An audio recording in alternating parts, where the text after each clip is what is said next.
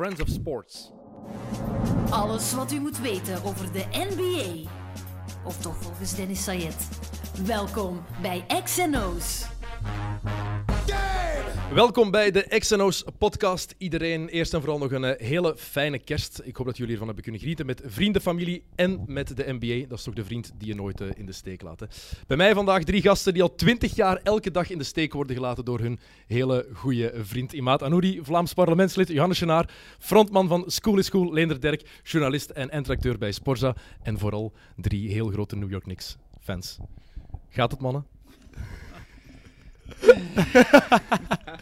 ja, ehm, de vraag natuurlijk, moeten we een kaars branden? Ehm, had ik donkerdere kleren moeten dragen, begrafenisstemming? Of zijn jullie zo euforisch na de overwinning in de Battle of the Boroughs afgelopen nacht? Want het is vrijdag als we dit opnemen. De New York Knicks hebben nog eens gewonnen vannacht. Heerlijk. De stad is van ons. New York is van de Knicks. Oh, ik zit er echt met een heel groot deel van de Vlaamse New York Knicks fanclub eigenlijk. Hè. De enige drie misschien? Nee, dat is niet waar. Nee, het is eigenlijk verrassend hoeveel mensen vaak berichten sturen als je iets post over de Knicks. Van, ah ja, ik ben ook echt al kei lang fan. En het is echt wel droevig en het is moeilijk, maar goede tijden komen eraan. Dus om op uw eerste vraag te antwoorden, moet jij donkere kleren aandoen? Nee, want als goede New York Knicks-fan is er al een zekere gewinning ontstaan. maar wat ons ook allemaal typeert, denk ik, is dat wij blijven hopen en ervan overtuigd blijven dat er betere tijden aankomen. Elk jaar opnieuw, ongeacht wat er gebeurt. Noemde jij dat hoop? Ik heb nog altijd hoop, absoluut. Ja, ja, Bij ja. mij is dat een soort van verweerde, geërodeerde, eh, cynische vasthouding aan de dingen. Dat is Gewoon echt het, dat is het meeste dat kan. Maar binnen vijf jaar spelen wij playoffs, toch? Voor één jaar en dan is het terug tien misschien, jaar. Misschien een belangrijke vraag. Waarom blijven jullie de New York Knicks zo trouw? Want als er één ding is wat New York Knicks fans hebben, ze blijven trouw aan hun club. Tegenwoordig, Jawel. iedereen volgt spelers. Dat is hoe het Mm. tegenwoordig gaat. De LeBron-fans zijn al supporter geweest van Cleveland, Miami, terug van Cleveland en nu van de Lakers. Ehm, Bandwagon. iedereen, ja, maar dat zie je vaker en vaker. Waarom blijven jullie wel trouw? Ja, je kunt niet anders, hè. Je kunt niet, je kunt niet, de New York Knicks kunnen niet in de steek laten, hè. Dat, blij- dat blijft... Het, is ook, het heeft ook te maken, bij mij heeft het ook te maken met de stad. Gewoon New York als stad is ook is fantastisch. Ja. En, eh, en dan kunnen niet gaan zeggen van... eh, ja, er zijn ook geen spelers met wie dat wij zouden als Knicks-fans meegaan. Hè. Het is niet omdat... eh, nu gaan, we gaan niet Trailblazers-fan worden, omdat eh, Carmelo Anthony daar nu eh, even speelt. Dus we hebben al geen spelers om, om mee mee te gaan.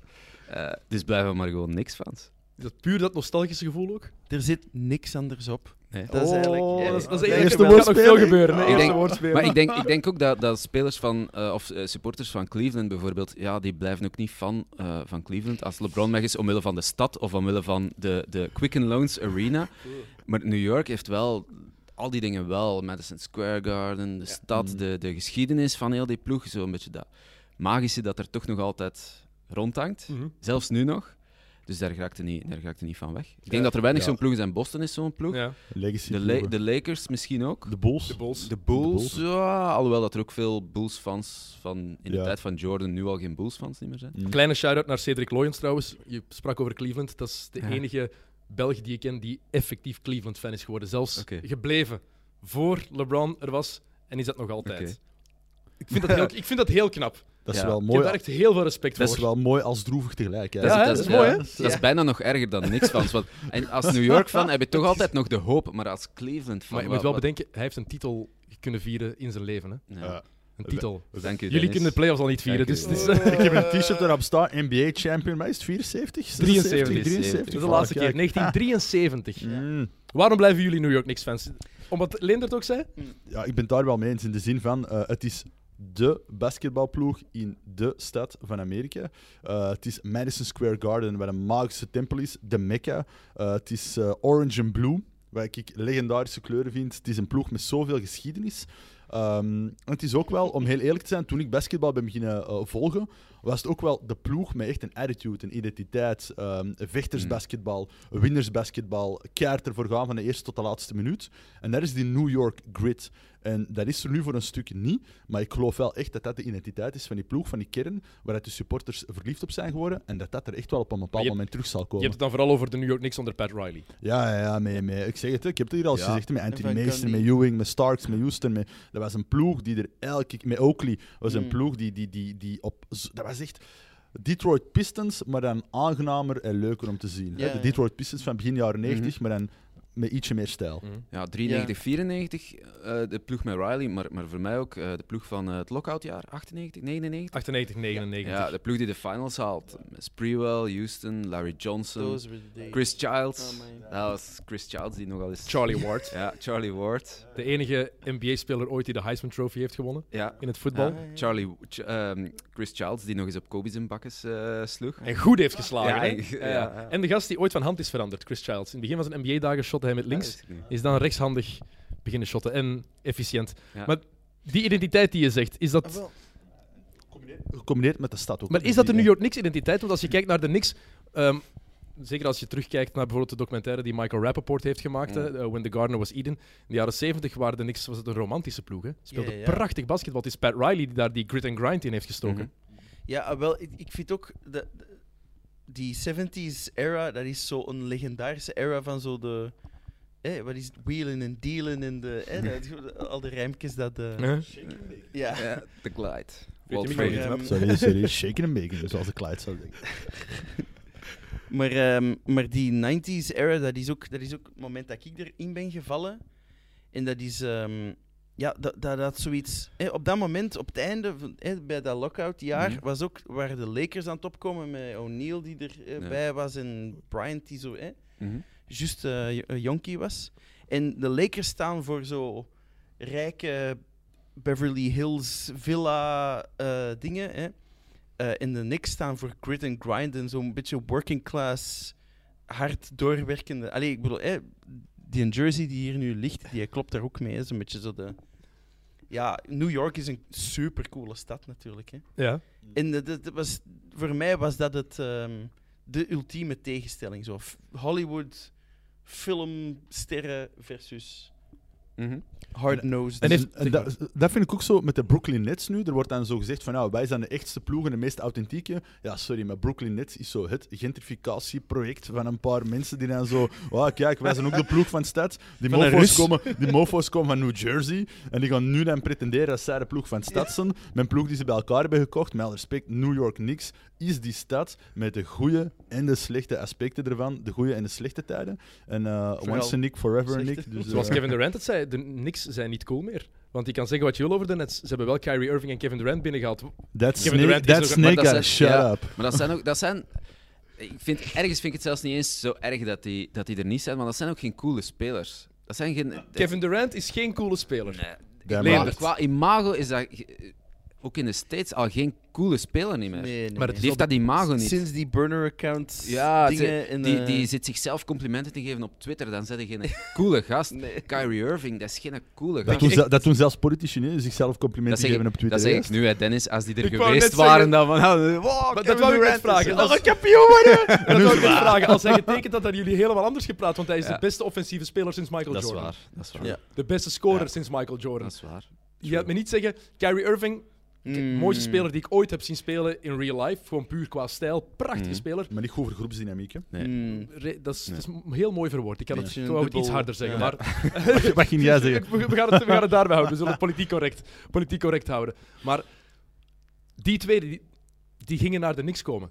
Dat Dat is is Ja. heel... Dus dat is constant gezegd het hele jaar. James Dolan, hè, de grote James Dolan, eigenaar van de Knicks, eigenaar van Madison Square Garden, ehm, heeft gezegd, de Knicks gaan een fantastische zomer hebben.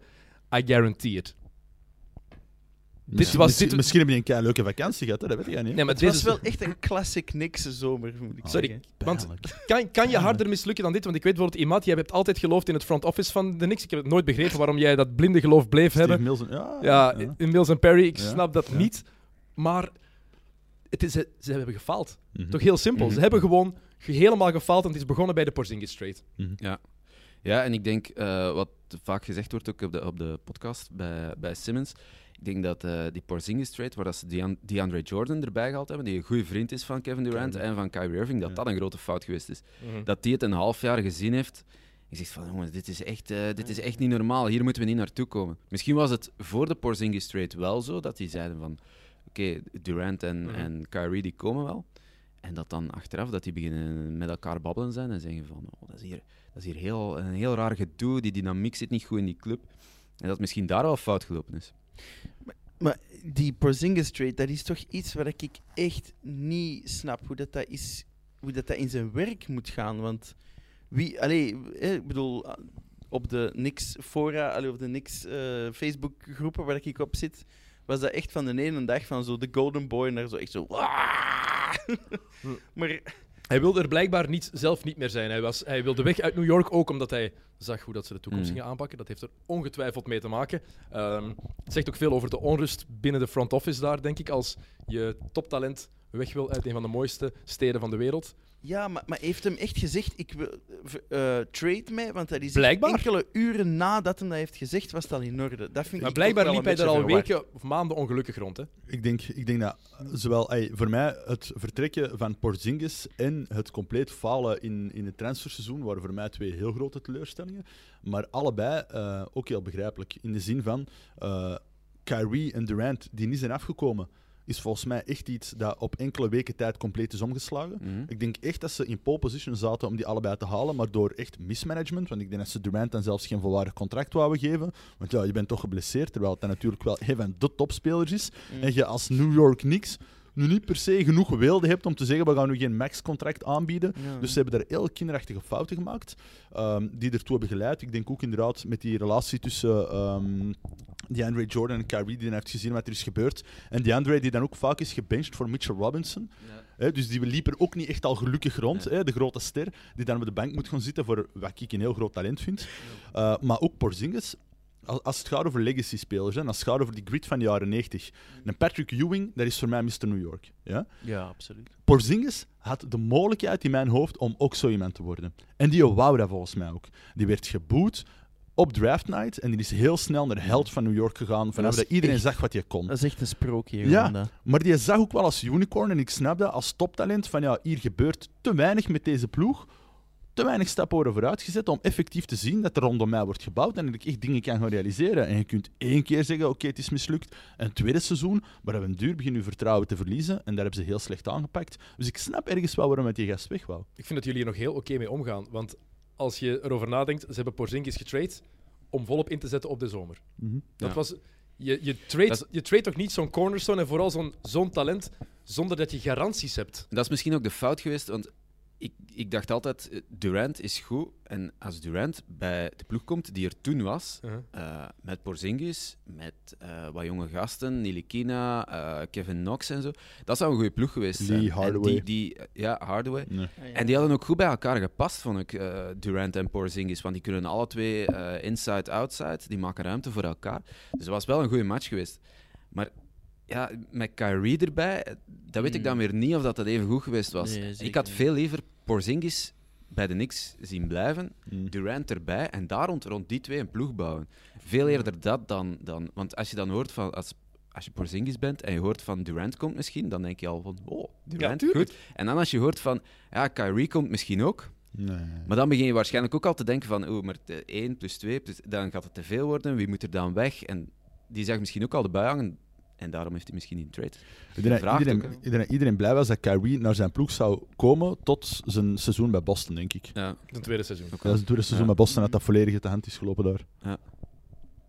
Ja, ik Nee. vind, ik, vind het, ik vind het straf dat je zo'n trade durft doen zonder dat je garanties hebt. En ik vind Ja. het ook een heel ondoordachte trade. Als je kijkt wie het was, eh, de Knicks Ja. hebben daarvoor voor, hebben Dennis Smith Jr. gekregen. Ja.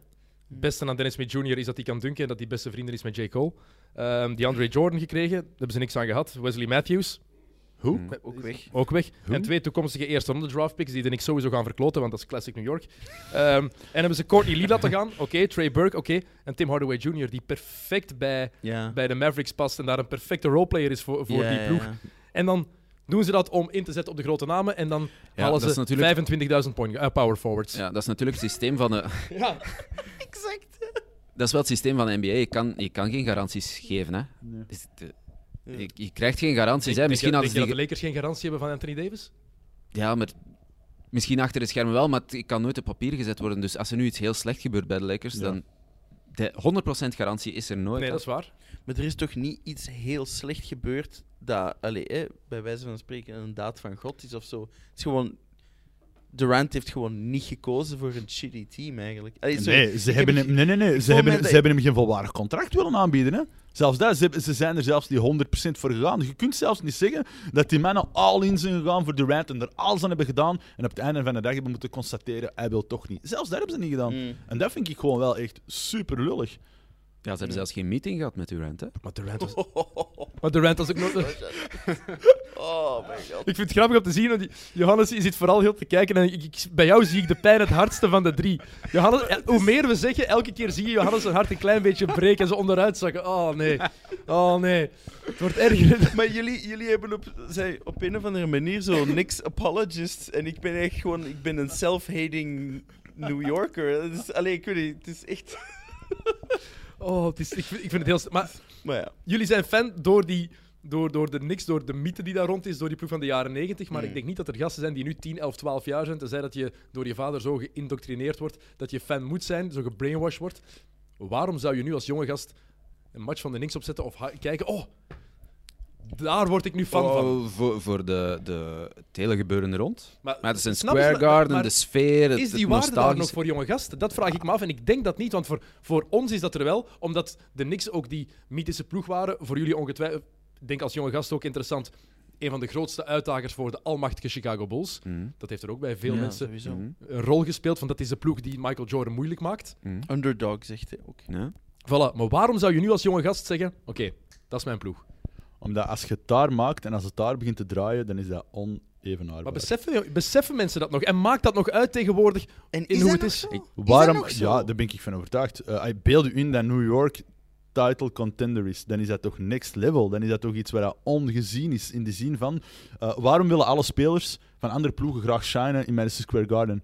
Because it's the mecca. Omdat dat het Mhm. podium is, het platform is voor basketbal. Dat is iets waar iedereen naartoe wilt gaan. En dat is wat Fisdale ook nog zei toen het hem optimistisch was en eh, net was aangetrokken. Eh, God have his basketball soul. Ehm, Ik daar voor daar, maar, maar, maar dat hem ook zei van ja, het is echt een super grote challenge, maar je weet ook wel dat een mogelijke reward, en ooit zal het er wel zijn, als die ploeg competitief is, dat dat dan echt zich dubbel en dik zal terugbetalen. Binnen- En dat is die belofte, die belofte die iedereen wel voelt en die blijft sluimeren, die, die, die voor mij als niks van Mhm. ook echt als je uniek is. Maar als je tien jaar bent, you don't give a, a rat's ass, denk ik. Je- je- dat, Dus, ja, maar dat de, uit? maar de, maar de Dus keren, de keren dat het wel goed gaat in Madison Square Garden, dan is er... maar toen dan waren is- die dan nog is niet, het toen waren die nog niet geboren. Ja, maar, Linsanity maar was iets... Linsanity en het jaar dat ze de playoffs hadden, de- dat ze 56 matchen winnen, of, of 55 of 57. Mhm. Da- als het dan draait, want dan is het echt, dan is het nergens zo. Dat is niet bij de Lakers is het niet zo, in Boston is het niet zo. De sfeer daar is, dat is fenomenaal. Dat is wel waar. En ook zo de culturele bagage van Spike, eh, Spike Lee die er zit. En ja. Alle, allee, zo En- Billy en- Crystal. Ah nee, nee, Billy Crystal. Billy Crystal is de Billy. Crystal is de Clippers. De Clippers zelfs. Maar. Oh. Nee, maar al die sterren, allee, hè. Maar die zitten er wel nog. En, en gewoon het geluid Ben van Stiller Madison is- Square Garden. Ja. En, en Mike Breen en, en Walt, en Clyde Frazier. Ja. Maar ik blijf erbij, jonge gasten trekken zich daar niks van aan. Ik snap, voor mij, ik volg jullie helemaal, hè, want ik denk ook zo. Ja. Maar ik denk als jonge gast, De sfeer. you Jawel, don't care. de- You jawel, don't de- care. Want voor wie Ja, moeten ze je- blij zijn? Voor, voor, een, voor een van die... 1 op de 20 driepunters die RJ Barrett is binnengooid? Mm. Waarom? Ik, ik ben fan van Barrett trouwens, ik geloof Ja. daarin. Maar er is niks om enthousiast over te worden. En ik denk dat dat het probleem is voor de Knicks. Het is zo'n mooie traditieclub en ik denk dat het in bijna geen enkele andere sport be- Maar is. jij, be- jij bekijkt het vanuit basketbal eh, Als- standpunt ik als een nu. neutrale Als de spelers die er het. zijn. Ja? Dit basketbal, de spelers die er nu zijn, zijn niet belangrijk voor, voor, om fan te zijn van de New York Knicks. Er is toch geen enkele topclub in welke sport dan ook die zo lang zoveel miserie heeft gehad. Want we- nu Nou. wordt bijvoorbeeld in de Serie A in het voetbal wordt gepraat over Milan. Nou. Dat het al langer niet goed gaat. Mm. Dit is bij New York is 20 jaar. Hè? Mm. 20, we hebben één goed seizoen gehad in 20 jaar. Ja. Dat is. Ik ben ook fan van, ik Onwaarschijnlijk, ben ook fan van de Oakland Raiders. Dus dat, die zijn ook wel een beetje in, in hetzelfde straatje. En toch, en toch, dat is al 20 jaar. Dat is de afgelopen 20 jaar de slechtste ploeg van de NBA, denk ik, overal gezien. Hè. toch is dat nog altijd, als er slechte matches zijn, wat doet dat publiek? Die beginnen nog altijd te boeien. Mhm. Alsof het een topploeg is die het Mhm. even laat hangen. Als die een match vol, winnen, ook al is dat maar de zevende match of de zesde match van het seizoen, wordt die sfeer er elektrisch en worden die supporters knettergek alsof Ja, die net de, de playoffs hebben gewonnen. En dat is de magie van Madison Square Garden, maar tegelijkertijd ook wel de valkuil. Want ik volg u, ik vind er is genoeg om fan van te zijn, maar van die jonge gasten die basketbal volgen, die kijken uiteraard liever naar de Clippers of naar de Lakers of naar Milwaukee of wat dan ook. En dat is het probleem. New York zit altijd stempenstevol, marcheert waar. financieel en heeft niet per se die economische eh, gevarenzone van als we nu niet goed basketten, dan gaan we financieel in de Mm. problemen komen, moeten ervoor zorgen dat we aantrekkelijk basketten. Dat, Dat blijft het de mekka, dat blijft stampvol zitten en die blijven geld genereren. En dat is misschien wel even een probleem van die ploeg. Maar ja, omdat Dolan geen enkel incentive heeft om te verkopen. Ah ja, tuurlijk niet. Dus de, Dat is echt... West- we- al twintig jaar lang de Oh. slechtste ploeg van de NBA, al twintig jaar lang de meest winstgevende sportfranchise ter wereld. Daar is je probleem in een notendop op samengevat. Hè? Mhm. Er is geen enkele incentive inderdaad voor die top om te zeggen, oeh, dit is wel problematisch. Ja, dat is. Het ding is wel wat jullie zeggen, zeg maar. Ik had gelezen eh, dat, hem, dat Dolan in 17 nog iets had gezegd van... eh, dat hem... I'm taking offers, had hem gezegd. Maar... eh, nog, maar ja, wie gaat dat ophoesten? Wie gaat dat ophoesten? Ik denk dat er heel veel mensen zijn die dat wel willen. Het probleem is, Ja, hij Dolan gaat is niet niet, verkopen, hè? nee, Ik Dolan ben- is niet alleen eigenaar van de... Gaan we samen liggen? Maar het, ding, het probleem is, weet je ik het Dolan is niet alleen eigenaar van de Knicks. Ook van Madison Square Garden. Madison Square Ah, Garden. ja. Maar ook van die ijshockeyploeg, Ja, hè? Rangers, Rangers, Rangers, ja. Weet je waar ik eigenlijk ergens... Ik wil nu niet politiek worden, hè, maar waar ik ergens doodsbang van ben, is dat Trump eh, gaat verliezen bij de verkiezingen, dat hij een nieuw project wilt en dat hij er niks gaat kopen. De New York Trumps. Dat- De naam Ah. verandert direct, hè. Maar je snapt dat ook wel, hè. oranje, oranje in het logo, ik snap dat ook nog wel. Hè. Is- Ja, die moeten allemaal zo van die giga-ties dragen waar dat ze over. Maar mag ik iets vragen? Ja. Vinden vinden jullie nu echt allemaal dat Dolan het grootste probleem is? Eerlijk. Nee, ik vind dat Ik niet. vind dat niet. Hè. Wel, dat gaan- wat, wat vinden jullie dat de grootste problemen bij, bij de New York Knicks? Het grootste probleem. We zullen het rijtje afgaan. Leendert, wat is het grootste probleem bij de Knicks? Eh, ja, Dolan is één van de problemen, maar wat aan mij er vooral aan stoort, is dat eh, overal wordt hij nu naar voren geschoven als door die man komt het niet meer goed. Terwijl dat is helemaal niet waar, want hij was ook al eigenaar in de jaren 90 van, van de Knicks. Dat, Nee, dat- nee, nee, 99. Ja, enfin, ja. Eh, maar in het seizoen dat het wel wat beter ging, dan was het heeft daar niet mee te maken. Het is, ook niet, het is niet omdat de eigen, er zijn heel veel slechte eigenaars in de NBA die uiteindelijk toch eh, succesvol kunnen zijn. Dan Gilbert lijkt mij nu ook niet de meest fantastische eh, team-eigenaar. Die heeft ruzie gemaakt met zijn eigen sterspeler. Die heeft zijn eigen sterspeler de deur uitgejaagd. Maar die heeft hem wel terug eh, binnengepakt en, en die zijn kampioen geworden. Dus maar het ligt niet aan... zich wel met beslissingen. Ja, dat denk, ik zelfs, dat denk ik zelfs niet. Want in de, Volgens de, in de tijd... de Ja, maar in de tijd dat Phil Jackson baas was, was, was kreeg Phil Jackson ook carte blanche. Het is, hij, hij neemt misschien de foute mensen in dienst. En Dat, dat, dat, is zal, ook een verantwoordelijkheid. ja, dat is ook een verantwoordelijkheid. Maar het, het, het is niet zo dat eh zet daar een andere eigenaar en het gaat meteen goed gaan. Dat geloof ik niet. Nee, nee, nee, nee. Sorry. Nee, wat, wat, ik, wat ik denk, de laatste jaren, want ik volg basketbal eigenlijk, ik volg dat in de jaren 90. Dan heb ik mijn concentratie verloren toen dat niks niet meer relevant waren. En dan nu zo de laatste vijf jaar. En mijn enorme frustratie is de keuze van de coaches om niet die jonge spelers gewoon eh, in te spelen. Ik heb echt Mhm. het gevoel dat er altijd nog de bedoeling is dat, dat er gewonnen wordt. En dan Marcus fucking Morris, die dan... En, allee, en DeAndre Jordan vond ik een onbegrijpelijke... Ja, oké, misschien vanuit personeel oogpunt Mm. van... Hè, maar die dan zo heel tijd laten spelen. Of zelfs nog de, de, de minutes splitten met Mitchell Robinson. Mitchell Robinson moet spelen, Nilekina moet spelen... Dennis Smith Jr., I guess, mag spelen. Allee, hè? Barrett, zo van die dingen. Daar moet, daar moet op inzetten. Ik, ik mis dat de laatste vijf jaar. Die jonge spelers die kansen krijgen. Dat is zo frustrerend. Dat vind ik persoonlijk het grootste probleem van de Knicks de afgelopen jaren. Die hebben geen plan waar ze committed aan zijn. Ja. Die Mhm. hebben van alles en nog wat geprobeerd en die hebben dat allemaal even Mhm. snel terug afgeschoten, omdat ze zo snel mogelijk wouden winnen. Ja. Ehm, en dat marcheert niet. Dat marcheert niet. Isaiah Thomas. Eh, Phil Jackson. Ehm, ik bedoel, die gasten hebben allemaal. Phil Jackson was voor mij ook een heel grote teleurstelling, omdat hij natuurlijk het aura heeft van de Phil Jackson. Maar als manager trok dat echt op, op, op geen hol, laten we eerlijk zijn. Ja, buiten Eh, Porzingis, hè? mm, Hij wou Porzingis traden. Ehm, ja, voilà. Eh, dus, dus, dat was de eerste die geopperd heeft om Porzingis te traden. dat was Phil ja, ja, Jackson. Ja, ja. In zijn tweede jaar of zo. Dus Maar maar, maar, maar daar is het probleem. De, de Knicks hebben al zoveel geprobeerd en hebben nooit gecommit tot een bepaald idee om te bouwen, om kalm te blijven, om rustig te blijven en om na vier jaar te zeggen: Oké, we zijn aan het, we zijn aan het, eh, eh, we zijn aan het eh, opbrengen van, met het plan dat we hebben opgezet. En dat zie je de andere ploegen wel doen. Dat zie je, Golden State heeft dat voor een stuk gedaan. Ehm, Philadelphia heeft dat op een heel aparte manier gedaan. Maar ploegen hebben allemaal op een bepaalde manier een plan, bouwen en realiseren dat. En bij de Knicks heb je alleen maar vloeibaarheid. Elk jaar opnieuw moet ik met een compleet nieuwe roster Ja, we gaan kijken en zeggen: Oké, wacht, wie hebben we nog allemaal getrade? Wie is er deze weer bij? Ik bedoel, er, blijft niemand over. Er is geen kern en geen identiteit. En dat is heel frustrerend. Toen ik hier de eerste keer naar de Knicks was gaan zien. Nate Robinson, David Lee, eh, weet ik wie dat er allemaal nog was. Dat, was. dat was nog cool om te zien. Dat was spectaculair. Die wonnen nice. tenminste 40 plus matchen of zoiets. Oh, pas op. Ja, ik denk dat die één keer wel 40 plus matchen begonnen de ik me records van de niks er even bijhalen van de afgelopen jaren. Jawel. Niet, niet onbelangrijk. Maar als je die ploegen van dan tot nu ziet, hoe vaak dat is veranderd, ja, dan kun je niks mee opbouwen. Hè. Niks. En dat is het Ja. probleem, denk ik. Ik denk dat een, een groot probleem is dat zij er zelf altijd heel hard van overtuigd zijn. Iedereen wil naar ons komen. Terwijl dat, dat helemaal niet zo is. dat is een En belangrijke nuance. En ik denk dat dat voor ons, voor ons als, als buitenstaanders, en wij zijn ook fan van de stad New York, dat dat voor ons veel meer doorweegt. Ik zou altijd denken, als ik een NBA-speler zou zijn, ik zou bij de Knicks willen gaan spelen. Maar ik denk, als je daar eens geweest bent, of als je daar al vaak geweest bent, dat, dat, dat die magie als speler veel minder is om daar, om daar altijd te spelen. En Ik denk, alleen, die, alleen al spelers, maar... die spelers die zijn ook allemaal 25 of zo. Hè? Ik bedoel, Mhm. allee, ja, hè? Die zijn allemaal niet zo oud. Hè? Ja, maar ik denk, wij, als wij daar naartoe gaan, dat we ook het romantische zien van wow, Madison Square Garden. Dat is hier allemaal fantastisch. Ik, een tijd geleden sprak ik met uh, Ann Wouters, die heeft daar gespeeld bij de New York Liberty. Die zegt, vuilste arena ooit. De ratten lopen daar onder de tribunes door. De, de eh, service entrance, waar dat de spelers dan komen, dat stinkt daar geweldig.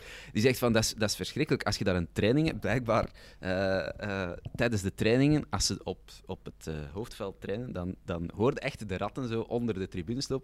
Ik- Dus ik denk dat dat voor ons is dat iets, lijkt dat iets geweldig magisch om Madison Square. Daar wilde iedere avond spelen. Terwijl dat ik denk, voor veel spelers is het leuk om daar één of twee keer per seizoen te spelen. Proberen 60 punten te maken voor de echte toppers. En dan liefst zo snel mogelijk terug naar de volgende moderne. eh, wij, ik, denk ook, ja, wij vinden Dolens dat tof, want dat is, dat is centrum van de stad en heel de wereld komt naar daar. Maar als NBA-speler, ja, je kunt er al niet wonen. Het trainingscentrum ligt, ik weet niet hoeveel, buiten New York. Westchester is dat, hè? Ja, Ja. dus ik, ik denk dat zo de, de, de magie om voor de Knicks te spelen, dat wij dat misschien wat overschatten, dat dat voor NBA-spelers niet zo is. En dat zij dat zelf ook wel wat overschatten. Dat zij denken van, iedereen wil toch naar ons komen. Maar ja, Want in de bigger picture, tenminste onder de sportmedia mensen, zeker in de States, is een titel winnen bij de Knicks nu is dat tien titels waard. Stel je voor, Kevin Durant wordt kampioen met de Brooklyn Nets, wat al straf zou zijn, zeker met Kyrie in de ploeg, hoe hij de laatste jaren geëvolueerd is tenminste.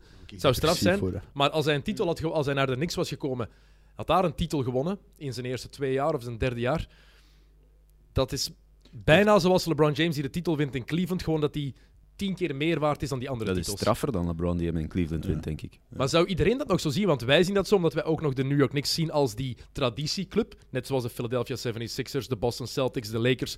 eh, de clubs die daar echt van het begin waren in de NBA, die echt die geschiedenis meegeschreven hebben. Maar ziet iedereen dat nog wel zo? En vooral, ja. zien de NBA-spelers dat nog zo? Denken zij ook na van, die, een titel winnen in New York is Ja. effectief meer waard? Ik vraag me dat echt af. Ik denk, ik denk dat echt. En ik denk trouwens dat ehm, het klopt dat het management van de Knicks te vaak denkt mensen gaan heel graag naar ons willen komen. Maar ik denk dat we er deze zomer ook niet zo ver van af waren. Ik denk dat er echt spelers legit zich waren aan het afvragen van ik zou wel naar de Knicks willen Ik gaan ook. en er Die geschiedenis heten schrijven. Julius Randle, Marcus Morris, Bobby Portis en Taj Gibson. En. Wayne Barry, Ellington en. Alfred Payton. Taj Gibson speelde nog Taj Gibson is mogen starten vannacht, hè? Heeft vijf Ja. minuten gespeeld. Ja, Taj Gibson kijk. is New Yorker, denk ik, van geboorte. Ja. Dus dat En- kunnen we nog een beetje verstaan. We zijn nog niet klaar, hè? Eh, Alfred Payton. Weet je wie er trouwens toch de komende drie seizoenen wordt uitbetaald door de Knicks? Uh, Jo- Noah. Joachim Joachim Noah. Noah. Joachim Voilà. Noah. Ja. Oh. 6,4 miljoen per jaar krijgt hij nog, hè? Easy Tot money. 2022. Kaching, Ehm, maar ik, denk, niet- ik denk dat heel veel NBA-spelers die waarde niet meer zien. Ik denk dat Het is een andere waar. generatie geworden? Maar ik denk, Mhm. ik denk ay, kijk, denk ik één, ook, één, ja. het, gro- de grote verdienste van de NBA, vind ik op dit moment, is dat er heel veel ploegen zijn die echt ongelooflijk mooie projecten hebben. Milwaukee, waar spelers echt naartoe willen gaan, die iets aan het uitbouwen zijn. Philadelphia, die nu terugstaan, hè, waar ze horen te staan. Heel wat andere ploegen bouwen iets heel mooi op en zijn legit contenders geworden. Dus mensen, spelers willen naar daar gaan, maar ze zien, hier kan ik wel iets betekenen.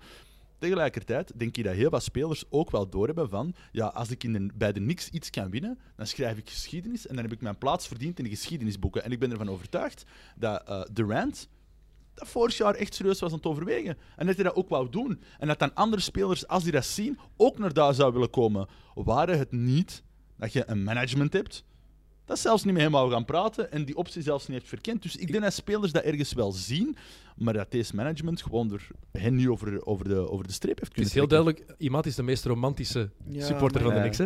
Je Heel veel respect. Heel veel Nee. respect. Het siert u. Ja, hebt de hoop. realist, de romantische ziel en je hebt een beetje zo de depressieve supporter. mooi, mooi verdeeld hier. Maar, maar, maar denk, jij dat, dat, Durant niet heeft overwogen vorig jaar? om toch- meaningless. Sorry. Die heeft hieronder zo een, ik weet niet, Milwaukee t-shirt aan. Straks, straks wandelt hij in anders de Warriors. Oh. Nee, ik denk, ik denk dat hij het misschien wel over, overwogen heeft. En zijn agent is blijkbaar een grote eh, New York Knicks fan. eh Klyman, Rich Klyman. Rich Kleiman, ja. Ehm, dus ik denk dat het waarschijnlijk wel zal overwogen hebben, maar dat, ze, ja, dat zij er gewoon ook niet verstandig mee omgegaan zijn. Ik, hoor, ik las onlangs nog dat eh, een van de assistant coaches, Ivy, was een goede vriend van Durant. Ja. Ehm, daar hebben ze dan, die kreeg dan offers om eh, lead assistant te worden, of zelfs headcoach bij andere ploegen. En dan hebben ze gedacht, eh, nee, we moeten die bij ons houden, want Durant die, eh, die gaat misschien komen omdat hij er is. Er niet bij stilstaand dat als je iemand zijn kans afneemt om ergens anders een betere positie te gaan krijgen, dat Durant misschien zegt van, ah cool, die niks. Die steunen nog wel hun eigen personeel. Die hebben het omgekeerde gedacht. Zo'n dingen gaan ermee meegespeeld hebben. Dus ik- ja, Maar denkt u niet ook dat er iets redelijk belangrijk van deze zomer heeft meegespeeld en dat ze niet de eerste draftpick hebben gekregen? Had het een verschil Ja. gemaakt voor, voor Durant? Ik, Ik denk niet dat dat voor de, dat voor de Anthony Davis sweepstakes misschien Mm. wel. Ze hadden Davis maar voor één jaar gehuurd. Die was nooit gebleven Mm. in New York, denk ik. Wat had dat veranderd voor Kevin Durant? ja, en dan nog, als ze de, eerste pick, dan zou ik toch niet gewild hebben dat ze die zouden traden voor Anthony Davis. Zeker niet. Als we Zion Williamson hadden Nee, kunnen hebben, Ja. dan, dan gaan we die toch niet trainen voor eh, één jaartje Anthony Davis. Nee, als jullie Zion Williamson hadden gehad dit jaar, hadden jullie nog beter kunnen tanken. Hè? Ja, hè. Want, nog eh, Ja, ja, nu wel. Ja. Hij zit Ja. in mijn fantasy team. Ah, ook tof, ook Maar, tof, maar eerlijk, wie, dat vind ik dan ook weer zo typisch. hè. Oké, de Knicks zijn niet goed bezig, maar er was heel veel teleurstelling dat ze niet de eerste draftpick hebben gehaald, terwijl iedereen op voorhand toch wist dat die kans heel klein was. Ja, maar was wel 14, groter. wel een- 14% kansen. Ja, dat is ja. 14% kans om de nummer 1 te pakken. Dan weet je toch dat er meer dan 80% kans is dat dat niet lukt. Ja. Iedereen is rocket science. En toch was iedereen teleurgesteld. Oh mijn god, Is wat hebben we wat hebben we meegemaakt? Het En- eerste jaar dat de odds veranderen Ja. in de draft, in de lottery. Ja, ja, ja. ja. Maar dan nog, Trying for Zion. dan nog dacht, dachten veel mensen dat het zou zijn gelijk bij, Ewing, bij de Ewing-draft, dat Ja. de NBA wel... eh, die zouden De wel iets frozen regelen. die zouden wel envelope. iets regelen. ja, ja. Maar Zion, ik bedoel, een grote fan, maar ik ben wel heel benieuwd wat hij gaat kunnen brengen, wat hij moet brengen. Ik vind het ook, hij, tot nu toe heeft hem nog niks. Ja. Ze zijn hem opnieuw aan het leren doen- wandelen en lopen. Ja, dus Ja, in die zin denk ik dan. Dan denk ik de hele tijd Greg Oden, Greg Oden, Greg Oden, Greg Ja, Oden. ja, ja, ja. Het is heel... eh, En Zelfs- ook zijn lichaamsbouw, ik heb die zien oparmen gisteren, denk ik, of zo, of eergisteren. Ja, en die zag gezien. echt die zag er veel te zwaar uit. Ja, maar dat is altijd wel zo geweest. Hem. Barkley Ja. heeft er ook altijd veel te zwaar Ja. uitgezien. Nee, dat is waar. dus dat is geen excuus. Maar, ik vind RJ, RJ als derde pick vind ik eigenlijk echt wel Ja, maar ik vind dat we zelfs daar pech gehad hebben. Want als we dan niet eerste konden kiezen, als we dan tweede. tweede gekozen hadden, dan hadden we Morant. Ja. Ja. Fenomenale speler. Bijna mij. over Kevin Love gedunkt. Ja, Maar Jamorant heeft... Er is, in Java- Jamorant zit heel veel Derrick Rose gehalte. Blessuregevoeligheid Ja, maar bedoel Nee, je? gewoon, die kerel is zo roekeloos. ex-MVP, hè? Ja, maar zo roekeloos. Dat ik, ik heb elke keer als hij naar de goal gaat, denk ik... Oh, Ja, pas je? op, jongen. Dat is Oh, een- is ja? Dwayne- toch wel iets natuurlijker je in, in zijn bewegingen. ik weet het niet. De, eh, young Eh, Derrick Rose. kon young, echt Mm. zo. Is young Dwayne Wade bijvoorbeeld. Dacht ik ook elke keer... Oh, breek, breek alsjeblieft de been niet. Die ging zo hard neer. En Morant Mm. heeft dat ook. is hij niet meer Russell Westbrook dan Derrick Rose? Ook qua, Ja, atletisch, dus, ja. eh, qua atletisch vermogen? Ik denk dat we allemaal vergeten Mm. hoe atletisch Derrick Rose was. Derrick Rose was Ja, maar hij veel... was kleiner, hij moest van hoger terugkomen. hij Derrick, Rose en, Westbrook zijn ik allebei 1,92 meter, 91. Is dat? Ja, die Rose, als die top was gebleven, was een veel, voor mij, Betere speler dan... eh, indrukwekkende atleet dan, eh, dan Westbrook. Westbrook. Mhm. Denk aan die dunk over Goran Dragic. ja, Eh, ja. tegen maar bijvoorbeeld. als Ja, maar, of over Joel Anthony, crossover en dan... Ja, ja. Maar een van, de, een van de elementen van Rose, want nu zijn we aan het af. Ja, ja, wijken, voilà. Sorry, maar Nee, nee, Derrick een Rose heeft ook nog bij de links. Knicks gespeeld. Ja, voilà. eigenlijk wel. Eigenlijk, ja, wie niet? Ah. Wie niet? Wie niet? Maar- Dat is exactly our point. Wie niet in, de, in, het late, in de late periode van hun carrière. Maar een van de redenen dat, dat hij zo ehm, imposant bewoog, is omdat hij zo zoveel excess beweging had. Hè. Mm, heel Mhm. soepel. Ja, maar, maar juist omdat dat zo... Dat was zo... Die verbruikte veel meer energie dan dat nodig was. In de zin van Duncan Ja, maar Ja. en Derrick Rose. Ja, ik, ik, ik, Young D. Rose... ehm, smoorverliefd op die speler. Eh, terug naar de Knicks. Ja, Ehm, jullie, jullie, jullie ploeg... Old, old Derrick Rose dan. Ja, old Derrick Rose. eh, young Derrick Rose. Ehm, het strafste vind ik, en dat is wat Bill Simmons ook vaak zegt... ehm, Leg die statistieken eens weg, Dennis. ik Ik ben bedoel, het is al pijnlijk genoeg zonder dat je... dit, nee, nee, dit, zijn, dit is nog pijnlijker. Dit zijn de salarissen. Dit zijn de salarissen van, van de spelers die openstaan. En je kan wat dingen doen, maar waarom geef je niet iedereen gewoon een eenjarig contract en ga je zo weinig mogelijk in de... Blijf je net boven het minimum van het salarisplafond. Waarom geef je Julius Randle een contract van drie jaar van 19 miljoen per seizoen bijvoorbeeld? Waarom Maar- geef je Bobby Portis een, een player option? Waarom geef je Taj Gibson 9,5 miljoen per jaar? Twee seizoenen lang. Ik begrijp dat niet. Waarom, waarom geef je een contract aan zoveel power forwards? Die, je weet, je gaat Julius Randle, Marcus Morris, Bobby Portis, Taj Gibson. Je haalt die niet om op de bank te zetten. Die mannen, die, je moet die op het veld zetten. En Fisdale is daar nu voor afgestraft, in mijn ogen. Onterecht. Omdat hij, omdat ook al waren de rotaties niet fantastisch, Mm. hij moest het wel doen met het materiaal dat hij van het bestuur had Mhm. gekregen. En dat materiaal trok op geen zak. Er was Mhm. geen evenwicht in de ploeg, maar hij moest er wel iets van maken. Dus ik vraag me echt af, wat denken die mannen in het bestuur, wat denkt Perry als hij die ploeg wil dat- samenstellen? Maar, maar wacht, want ik heb het... ge- Sorry, eh, maar wacht, wacht, wacht, wacht. Ik kan iets belangrijks zeggen. Ehm, ik heb wel gezien dat heel veel van de contracten aflopen in 2020, toch? Mhm. Na dit seizoen? Marcus- Of na volgend seizoen? na volgend seizoen. Enkel, Na Marcus, volgend seizoen? enkel dit De jaar zomer- lopen de enkel zomer- Marcus dat Morris, zou dan Alonso Trier interessant- en Damian Dotson af. De zomer van de Greek Freak. Dan Ah, lopen wel, ze af. Ja, daar- ze gaan weer inzetten Ja, maar ja. op... Ja, inderdaad. Maar ja. Je Maar dat gaat nooit weggaan. Maar dat gaat daar. ook niet goed komen. Die komt Nee, ook tuurlijk niet. Janis, gaat, Giannis gaat naar de Warriors. Why would Wow. he? Nee. Ik weet het niet. Wow. niet. Sluit het niet uit. Nee, in Jan- Milwaukee. Ja, als Janis Milwaukee, Nee, die, die, nee. beginnen, die management begint begin ik me ook zorgen over te maken. Wat zij gedaan hebben, Ja? Brogdon laten gaan, Bledsoe een zwaar contract, Middleton een veel te zwaar contract, die absoluut geen max waard is. Als ze Janis dan een supermax geven, dan is, hun, dan is het op. Het geld op. Ehm, Mm. en ze kunnen die ploeg niet beter maken. Het is een beetje now or never. En in de playoffs gaat het never worden, vrees ik. Waarom? Omdat wie is het best, de tweede optie is eh, Chris Middleton. In een playoff-serie kan je je zeven match- matchen Mm. focussen op Janis. En Janis krijgt niet genoeg hulp. En in de playoffs Mm. is Ja, de Eric, Sixers hebben ook Eric, wel Eric bewezen. Bledsoe in de playoffs. Ja. Is- zag het tegen de Sixers dat is moeilijk bewijs wel. Hè. Als, je, als je echt Mhm. focust op hem, Ja. weet je Ja, hoe ja. goed? 10 op 24 of Het is vooral Ja. omdat er geen niemand, de beste hulp is Chris Middleton. Ja, En. Middleton is niet goed genoeg voor een tweede optie Ja. te zijn. Eric Bledsoe in de playoffs Bledsoe was geblesseerd nu al tegen de is Sixers. hè. onzichtbaar. Ja, maar vorig jaar in de playoffs, waar was hij in de conference finals? Dat was verschrikkelijk Dat was slecht. verschrikkelijk. Oh. Dus daarom, en dan zie ik het wel. En dan, Janis is einde contract in 2021 inderdaad.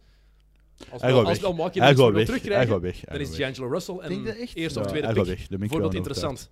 Ik zeg maar, het kan Ze gaan hem nooit traden. Mij liever niet, hè. Ik zou het toffer vinden om Ze Janis... gaan, ze gaan hem niet traden. Hij gaat misschien weg als free agent, maar ik denk niet dat ze hem traden. Nee, nee. ik zou het toffer vinden dat hij blijft of dat hij naar New York gaat. Laat dat duidelijk Mm. zijn. Hè. De, de Warriors hebben, hebben Kevin Durant voor drie jaar gehad. Dat is genoeg geweest. Toch heerlijk Eh, hoe dat we nu al de zaadjes zijn aan het leggen voor eh, onze ontgoocheling binnen twee jaar. Ja, ah, Giannis komt misschien in de niks tijd voor een No. Maar dat is toch typisch New York? Dat is toch typisch New York Knicks-fans? Altijd hopen op het allermooiste en dan Maar dat is je, misschien wel een van de mooiste dingen aan New York Knicks. En nee, van, nee, totdat ja. het moment dat het echt en dan geef je een max-contract aan Jerome James. Mm. Het lijkt me echt, het is echt, het is echt eh, de mythe van Sisyphus, hè. Gewoon altijd blijf die rots op de... Maar die gaat er wel over geraken nooit. eens. Maar het ding is, om, om, om, op uw, om op uw vraag voor een stuk te antwoorden, denk je dat ze inderdaad heel hard op de free agency zijn aan het mikken van eh 2021.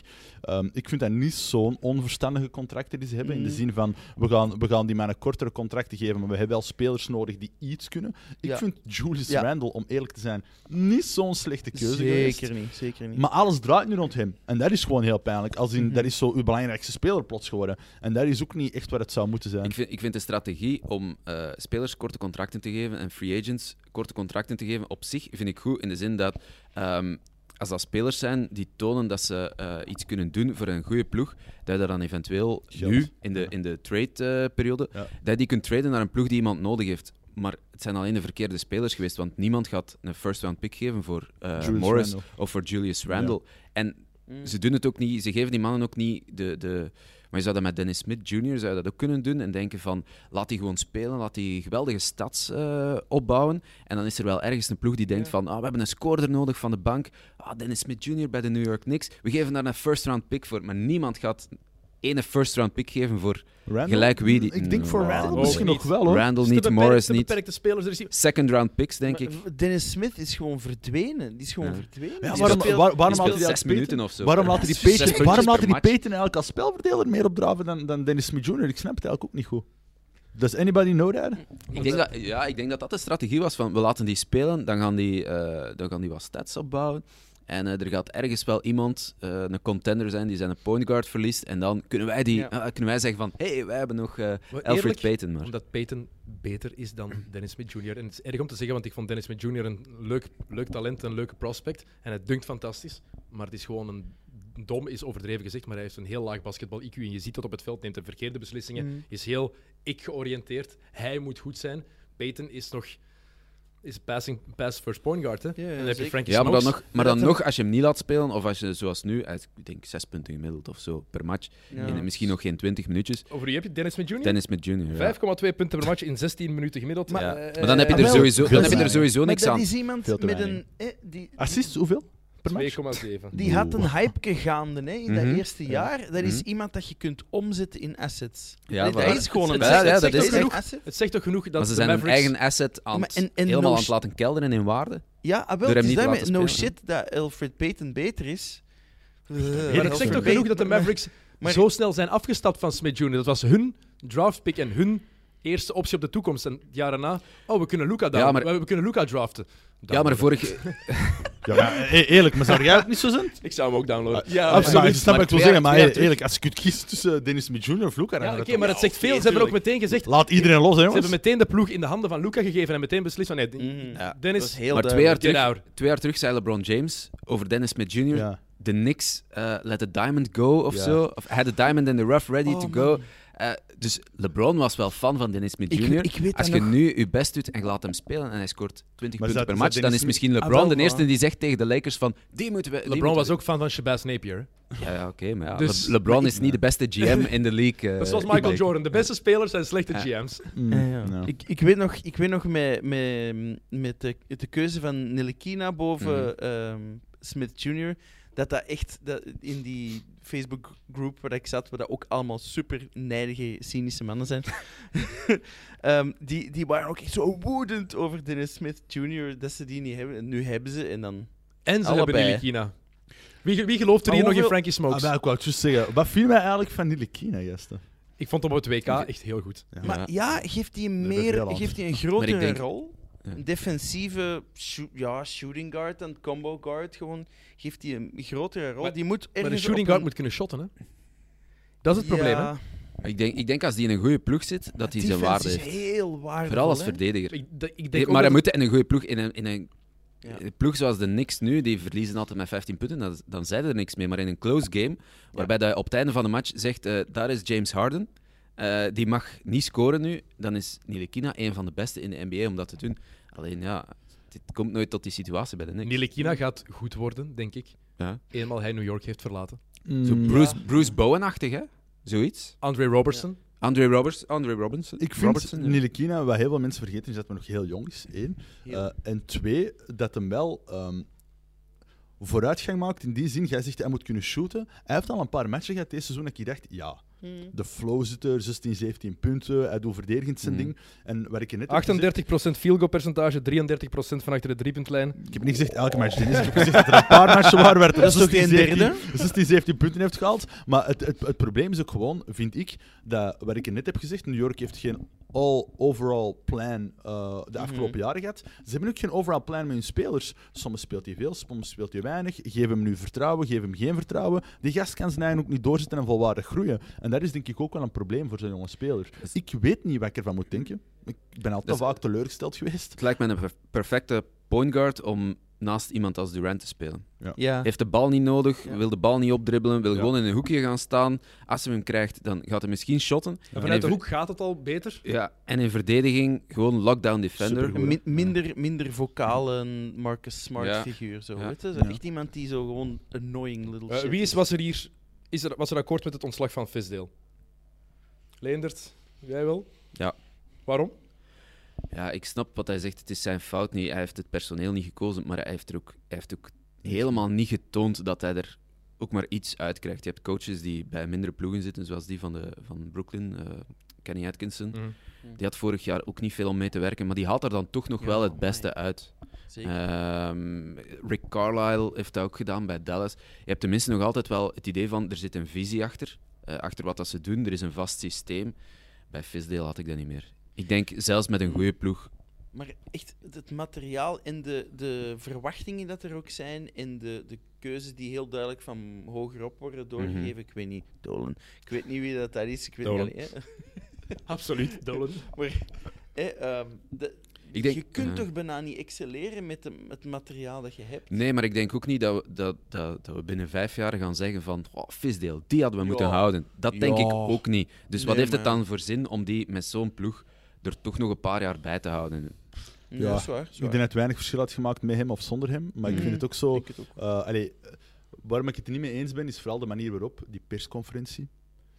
Van dat, Mil- dat van- is heel van- belangrijk wat iemand nu aanhaalt, vind ik, die persconferentie. De, het bestuur mag nooit praten van James Dolan. Dat is al twintig jaar, zodat ze nooit iets mogen zeggen. En ineens moeten ze met een geïmproviseerde persconferentie komen. Wat was het? Een half uurtje na de match? Ja, Nog niet? ja. Na een wedstrijd. Ja. Waar, waar komt dat vandaan? Dat, dat was dat is gewoon dat is bullshit, dat, dat is toxic, dat is, dat is slecht organisatiemanagement, dat is weer bewijzen dat iedereen voor elkaars voeten loopt. En in die zin vind ik vooral ook weer daar, Fisdale was het probleem niet. Fisdale was een van de zoveel schakels in die Mm. keten. Ehm, en, en hem wegnemen is niet het grote verschil. Je kunt dat nu zeggen, wat Mike Miller, wat heeft hij, 4-4 nu of zo, die interim Nee, coach? nee, nee. Of- 4-7. Of 4-7 of zo, maar nog altijd dan beter is hè, dan, dan Ja. Zouden kunnen zeggen, want hij heeft vier keer gewonnen. Uh, maar maar, maar, maar allee, dat, is, dat is het niet. Hè. Het is niet daar dat het zal vallen. Of Maar staan. hij was het probleem niet, maar hij zou ook nooit de oplossing zijn. True. kan een coach de True. oplossing zijn True. daar? Mm. De GM, hè. Ja, er moet echt. Ja, op, Dit moment, op dit moment Eigenlijk moeten Er we moet iemand een- ja. met een visie de kans Meer- krijgen om die uit te leven. meer dan op, een op gelijk welke speler moeten we hopen op Masai Ujiri. Ja, Mm. Gaat, Ja, gaat dat- die het dat- kunnen oplossen? Want dat is inderdaad de naam die genoemd wordt. dat denk ik wel. Maar die gaan niet naar daar Ik komen. We dat gaan keiveel ehm assets opgeven en dan gaat die niet komen volgende En jullie gaan weer een speler aantrekken die over zijn top is. Wat ik typisch New York Misschien zou vinden, Jeremy Lin. Ja. wat ik typisch New York zou vinden, Iedereen. is dat jullie traden voor Chris Paul. Of Chris voor John Paul, Wall. Maar dat was, dat Nee, was nee, niet eens zo slecht geweest. Nee. Ik weet, eh, mannen, mannen die duidelijk op het einde van hun carrière ja. zijn, die fysiek over de top zijn en die een heel zwaar contract hebben. Toch typisch New York. Ja, hebben ze ja, gedaan ja. met, met Stefan, Amari eh, was voorbij. Stefan Marbury, Allen Houston een zwaar contract gegeven toen dat eigenlijk al te laat was. Eddie Curry hebben ze nog zo'n mooi zwaar contract gegeven. Eh, we kunnen zo... Joachim Noah. Joachim Noah. No. Mello zelfs ook. Hè. Carmelo was nog wel top Ja. toen hij eerst tekende. Hè. Ze Ja, hebben maar de laatste, Toms- bij zijn laatste ze hebben dat gewoon een Tom's aangepakt. En ik denk, denk dat dat het moment is. Maar ze Waar New York. Ze geven ook te zware contracten aan jongere spelers. Zoals Tim Hardaway Jr. Maar, Ja. ik, denk dat, Mm. maar ik denk dat de Mellow trade eigenlijk een heel cruciaal moment is geweest in de hele niks-geschiedenis van de laatste twintig jaar. Ja. Ehm, De mellow trade en, en het sleutelmoment voor mij. eh, onlangs nog aan, aan gedacht, Steph Curry. Hè. Steph Curry was één draftpick Away. van ons verwijderd. Had hij dan niet na twee jaar ook weg geweest? Dat denk ik maar niet. Nee, dat Die zou, dat zou zo fantastisch geweest zijn. Ja.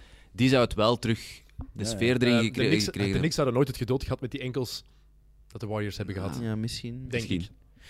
ik. Maar- de, de Carmelo Anthony trade, ik denk dat het heel belangrijk is, omdat als de Knicks geduld hebben en hun verstand gebruiken, Dan traden ze niet voor. Carmelo Anthony en wachten ze Nee. tot die zomer. Hij was free agent. Ze hebben echt letterlijk de kitchen table naar Denver gesmeten. Ze hebben Ja. iedereen... Ja. We hebben, wat hebben dat ze toen opgegeven? Ja, maar dat is ook overdreven, want wie hebben ze, wie hebben ze opgegeven? Wilson Chandler. Mhm. Danilo Gallinari, onder Danilo andere. Gallinari. Ah, ja, ja. Hoeveel matchen heeft hij nog David gespeeld Lee sindsdien? toch ook? Car- Of- nee, of- David David Nee, Lee was later de Carmelo. Ah. Anthony Smith, trade. Smith was erbij, denk ik. Mm. J.R. Smith. Mm. Zijn nu ook niet de spelers die het geweldige verschil gemaakt hebben. Carmelo Smith Anthony kwam- trade. Jar Smith was in daarna. York. Jar- nee, Ik Smith bedoel, was daarna. Josh. Smith. Of... J.R. Smith is Dus- later teruggekomen, Ja, denk ik. ja, en toen is hij naar Denver gegaan. heeft elkaar Oké, dus- goeie- ja. Denver kreeg Wilson Chandler, Raymond Felton, Danilo Gallinari, Timofey Mozgov. De eerste, rond, de eerste ronde pick van de Knicks in 2014. Wie was Tweede dat? ronde pick van de Warriors in 2012. En dan nog een Warriors pick en 3 miljoen cash. Tw- 2012. Ja. Maar dit is... Als je daar gewoon Felton en Gallinari houdt, dan, dan heb je een heel Maar daar, ploeg. maar daar raakte weer het probleem aan van wat ik bedoel, de afgelopen jaren. Geen, Felton, geen rust. Fel- Raymond Felton. Man Oké, with maar the gun. beter dan niks, hè? The man with the gun. Dat is toch Raymond Felton, hè? Die, Nee, eh, nee. Of was dat... Jawel, toch? Nee, dat was Gilbert Arenas bedoel je. Nee, je? nee, nee, nee. Raymond Felton is ook, eh, toen het in Dallas zat, denk ik, is hij ook eh, voor een... zoek het eens op. Er is iets gebeurd, een incident met een geweer. Raymond Felton, denk ik. Moet dat eens opzoeken. Maar al sinds, dat, be- dat bewijst weer eens het, het punt van, die mannen panikeren en die zetten alles op alles om toch maar te Ja. krijgen wat ze willen. En dat is niet meer rationeel, niet meer goed management en gewoon keihard paniek. eh. Absoluut, er is opgepakt ooit voor een... eh, Toch? Ja, played guilty in gun case. Dus eh, Ah, effectief ooit opgepakt met een eh, geweer dat hij niet mocht, niet mocht eh, Ja, ja. hebben. 500 uur community service. Trouwens, hoe is het nog met... Wat was het? Clear Anthony Early of zo? Anthony Early, die zijn been geschoten is. of Ja, zo, ja, hè? ja, ook in een. eh, ja, dan was dan ook zo. Ja, maar er zit wel iets in. Gast zou het wel eens kunnen, kunnen worden. En dan wordt hij zo. Is een, eerst werd hij dan beroofd door eh, enkele vrouwen die dan zijn diamanten ketting hadden gestolen. En dan werd hem in een nachtclub in zijn been geschoten. En dat was dan meteen zijn laatste wapenfeit. Je laatste Wapen. 20 jaar. Oh, laatste wapenvet. Mooi, mooi, mooi. Eén goed seizoen. 2012, 2013. 54 overwinningen, 28 nederlagen. Tweede in de Eastern Conference. Eruit tegen Indiana. Damn right. Ehm, de Ro- Roy, gedomineerd, gedomineerd worden door Roy fucking Hibbert. Roy Hibbert heeft er niks toen uitgeschakeld. Hè? Roy Hibbert was ook vergeten. wel Roy Hibbert-. Weet je nog dat blok Roy op Carmelo Anthony? Roy Hibbert was toen ook wel degene die het LeBron James moeilijk maakte Ja. in de conference. Indiana had toen toch een goede ploeg. En twee jaar later was hij uit de league. Ja. Roy Hibbert. Ja, Twee, jaar, twee jaar later, hè? Basket Ja, is veranderd, hè? is maf, hè? Twee Ja. jaar. Roy Hibbert was toen echt. Heeft defense inside veranderd met zijn ver- verticality. En twee jaar later was het gedaan. Dat seizoen waren de Knicks ook een van de eerste ploegen die volop op driepunters inzetten. Hè? Die shotten de meeste driepunters in, eh, in Hmm. heel de NBA. Met Mike Woodson toen. Mike het is ook voor een deel veranderd toen. ehm J.R. Smith die elleboog gaf in de Boston-serie tegen Ja. Marcus Smart. Ja, dat weet- ja, ik denk het. Ik denk tegen Marcus Smart. Aan de zijlijn, link, aan, aan de, ik weet aan de baseline, linkerkant onderaan, geeft hij een elleboog. En toen is er, is er iets veranderd eh, Had, in New York. had, had D'Antoni eigenlijk gewoon niet coach moeten blijven in New York? Achteraf gezien? Dat had ook nog niet zo slecht geweest. Ik bedoel, toen merkte het toch ook wel van, dit is een kantelpunt. De gast heeft een visie, heeft gewoon het materiaal, hè, maar probeert er wel iets van te maken.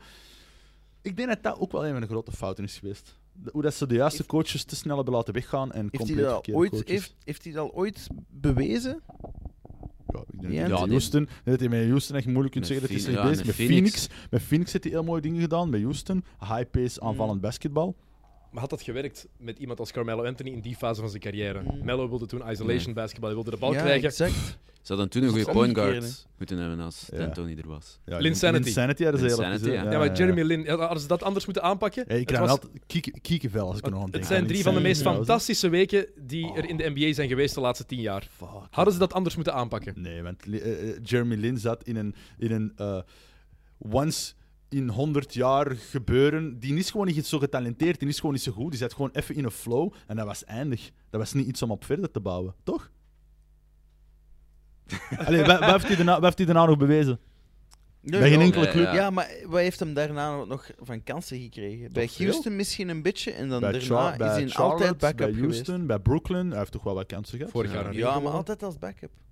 Hij heeft een ri- een ring gewonnen bij de Raptors vorig seizoen. Hè? Ja, oké, maar hij heeft niet gespeeld. Je moet Ja, maar eens Benga, onder- Benga heeft Zoek eens op YouTube gewonnen. op NBA Finals Highlights Jeremy Lin. Gewoon doen. Dat is fantastisch. Ik, oh, Echt. dat- Ik denk dat het tien, je ziet zijn invalbeurt en dan zie je de buzzer gaan. Dat is, ook, dat is ook omdat we het in het begin hadden over de charme van de Knicks. Als, die, als Jeremy Lin hetzelfde doet bij de Charlotte Hornets, Ja, ja. drie weken eh hot streak, Absoluut. niemand weet het, hè. Dat is maar Devontae Graham. Nee, Niemand Dat weet is wat Devontae Graham Ja. nu aan het doen is eigenlijk. Ja. Al langer Ja. dan Ja. Jeremy Lin. Ja. Ja, ja, ja. Maar omdat het New York is, is dat helemaal anders. Maar pas Ja. op, want Trey Burke heeft zo twee jaar geleden ook wel zo eens een keer hè, een paar spectaculaire. Die heeft die- op een bepaald moment average die gelijk 25 punten. Of Waar zit hij eigenlijk nu?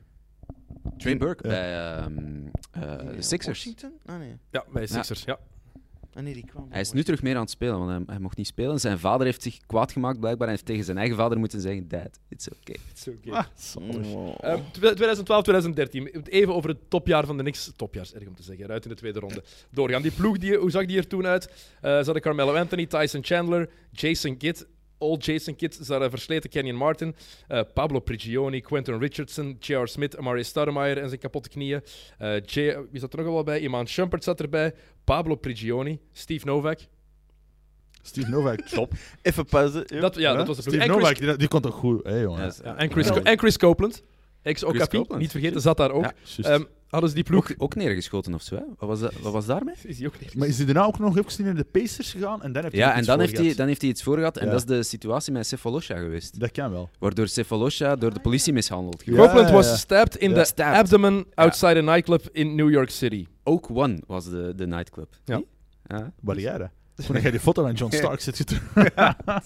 Ah, dat was toen eh Antic en Cephalosha daar ook aanwezig Ja, en waren. Die zijn Cephalosha opgepakt. Ja, ja. Cephalosha, en heeft, Cephalosha heeft de klacht ingediend voor... eh eh, Die zijn eh, been was gebroken door de police politie. brutality, Ja. omdat hij met een stok, eh, omdat ze met de, met de stok geslagen Heeft hij een heeft jaar dat lang- gewonnen ook. Hè? Ja, en een jaar lang heeft hij eh, daardoor niet kunnen spelen door een beenbreuk door een matrak. Heb je je dat stuk gelezen van eh, Kyle Korver vorig jaar? Ja, heb ik gelezen. Dat vond ik wel fenomenaal. Heel, heel sterk Ah, inderdaad. ja, ja, Ja, over maar zijn Kyle Korver heeft een privilege, over brief geschreven op eh, de Players Tribune, denk ik. ja. Mhm. eh, over eh, hoe dat hem dan zo zelf ooit een uitspraak had gedaan over police brutality. ehm, Ah. En dat hem dan zei van ja, uiteindelijk, eh, er zijn altijd two sides of the story, weet Mhm. ik wel allemaal. Mhm. Dat hem wel had ingezien hoe groot dat een probleem is en hoe verdeeld dat Ja. het land was en dat ze eruit moesten geraken. Ik vond dat wel een heel mooi stuk. Mhm. Mhm. Voor, eh, voor een speler als Kyle Korver, die eruit ziet als de ideale Amerikaanse schoonzoon. Ja, ja. Mhm. Ehm, dus dat vond ik wel cool. Hadden ze die ploeg bij elkaar moeten proberen houden? Nee, Nee. nee. Ik vind Dat is dat de beste ze- ploeg die jullie in 20 jaar gehad hebben sinds de finals van 1999. Sinds Dolan heeft overgepakt. Dolan heeft de ploeg gekocht nadat de Knicks de finals hebben gehaald onder Jeff Van Gundy. Ik vind dat ze heel veel geld hadden moeten geven aan Andrea Bagnani. Hey, maar dit is wel, wat jij nu zegt, is wel een van de, de, grootste, de grootste voorbeelden van het mismanagement van James Dolan. Hè. Het is Dolan die Bargnani wou. Dolan heeft aangedrongen op, we moeten voor Bargnani traden. Hij Ja, was wel Dolan zal revolutionair, hè? Dolan zal ook degene geweest zijn die, eh, Stretch 5. die gezegd heeft van we moeten nu Carmelo hebben en, we- Ja. en niet binnen eh, niet volgende zomer.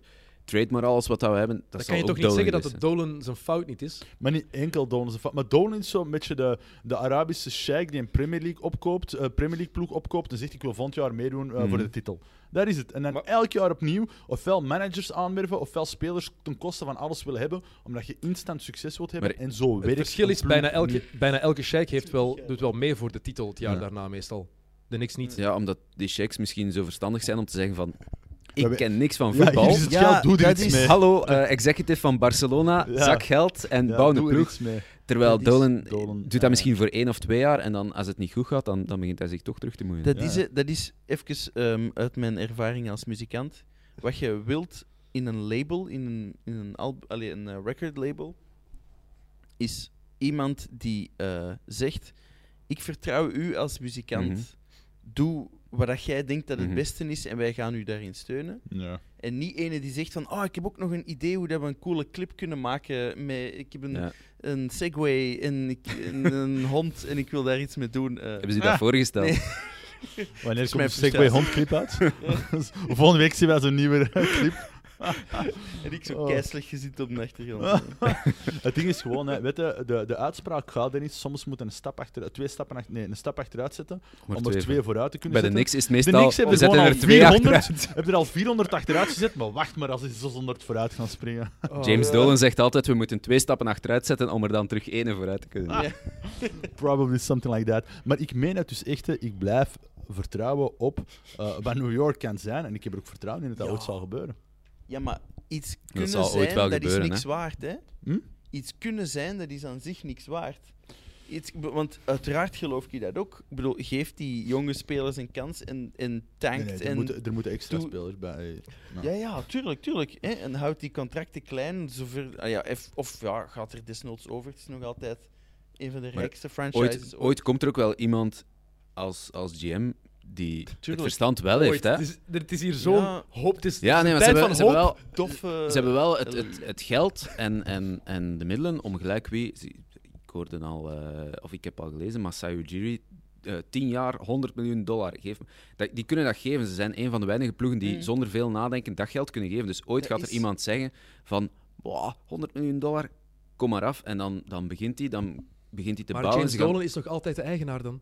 Ja. En dat dat, maakt is het niet probleem. uit. Volgens mij wel. Dat vind ik niet erg. Volgens Maar mij is dat waarom waarom vind probleem. jij dat zo'n groot probleem? Omdat hij zich moeit met het, met het sportieve beleid van die club. Hij bepaalt heel veel dingen. De Bargnani-trade, een groot voorbeeld. Hij was degene die doorgeduwd heeft. Hij heeft Isaiah Thomas kans na kans gegeven, terwijl het duidelijk was in het begin, Isaiah Thomas weet niet waar hij mee bezig is. Getuigen de contracten Ja. voor Jerome James en Ja. Eddie Curry. Ja. Phil Jackson eh, meteen zo'n zwaar contract gegeven.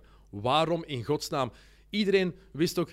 hmm, Phil Jackson die kans geeft, dat is misschien wel een beetje vreemd, want die wil nog altijd de triangle offense spelen en dat doen we niet meer. Triangle offense. Oh, dat was ik al vergeten. Ja. Dat hij dat toch nog probeerde door te Dat, duwen. dat doen we, dat, dat- je kan, maar het kan werken, de triangle offense, als hè, coach. als je Joel Embiid hebt. Oh, en dan Derek Fisher als headcoach. Wat was dat? Derek dat was ook Derek Fisher. Dat was- Kurt, Rambis, scapegoat. Kurt Rambis als, als headcoach nog altijd wat de beste vrienden is van, omdat hij van de beste vrienden is van Phil Jackson. En dan is voor een keer dat James Dolan heeft gezegd: Doe maar, Phil, hier laat ik het los. En dan inconsequent maar als- beleid. Maar denk je, als, als, eh, als hij eh Ujiri er nu van overtuigd krijgt Ja. van kom naar de Knicks, dat hij zich gaat beginnen moeien? Dat denk Ja. ik En niet. dat Ujiri Nee, gaat zeggen van, ah ja, oké, ja, James, goed idee. We zullen die, we zullen Ik die erbij. wel, dat is het punt dat Leendert maakt dat terecht is. Al die mensen die jij opneemt, eh, opnoemt, niemand van hen heeft ooit iets bewezen als GM. Niemand. En als je dan iemand als Messiah zou er gaan halen, dan heeft iedereen wel door, oké, die gast heeft het bewezen. Niet als headcoach ooit, niet als speler ooit, maar echt als GM. Dan gaat hij gewoon ook de ruimte krijgen om dat te kunnen afdwingen. En als, denk die zegt, en als die zegt tegen James Dolan, oké, het is goed, 100 miljoen en ik kom af, en ik Jij- wil oh, absolute Packers. autonomie. Ja, ja. Denk je dat hem dat niet gaat doen? He doesn't mind. Het ego van James Ik denk- Dolan ik denk is dat veel James- te groot. Nee, ik denk dat James Dolan, als hij weet dat hij zo iemand kan krijgen, dat hij zegt van, oké doe maar. Enkel en alleen als hij een jaar gaat toeren met zijn, hoe heet zijn, zijn band? Ja, ik eh, ben geen fan. Jij bent, jij bent, No jij bent de muziek, jij bent de muziek van hier. Johannes. Jij moet, jij moet dat weten. ik denk dat dat de enige oplossing is. Ik Een jaar gaan toeren hier, als voorprogramma van Hoe die in de Blowfish, of weet ze, weet ik veel. Hoe die de Bestaan die, bestaan die nog? Eh, ge- geen idee. Ehm, maar ik denk dat dat de enige oplossing is. Anders is het... Maar in de, in de tijd dat Phoenix goed was, met D'Antoni, was Sarver ook al de eigenaar, toch? Ja, en Sarver heeft het verkloot. En ja, en, Joe Johnson. ja, Joe Johnson contract. Als dat goed wordt afgehandeld, als Sarver daar zijn handen van afhoudt, geven ze Joe Johnson extra geld, blijft hij. Laten ze Quentin Richardson niet gaan. Ja, En dan heb je die erbij. maar het punt is, ik kan een hele slechte eigenaar hebben en toch een goede ploeg hebben. Ja, en een goede GM. Ja, dat denk ik echt waar.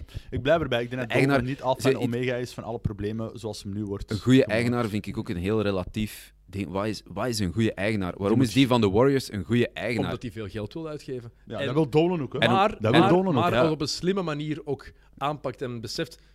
Maar dat is zijn verdienste niet. Dat die, heeft- die hebben gewoon een goede, goede GM Ja, maar gekozen. het is een verdienste Toevallig. je ego Ja, opzij... hij Ja, maar hij kan zijn ego wel. opzij schuiven. En dat is wat James Dolan niet kan. En een, wat is een goede eigenaar? Iemand die het, het belang van de ploeg beseft. Zoals Steve Ballmer beseft bij de Clippers. ja, die over moet zich alleen op opzij momenten dat het nodig is. En, eh, Ja, maar die zit daar gewoon heel de tijd te cheeren. Dat Voilà. is eigenlijk alles. Die amuseert zich gewoon ongelooflijk. En, en geeft dan die persconferentie toen hij Kawhi en Paul George voorstelde. Echt.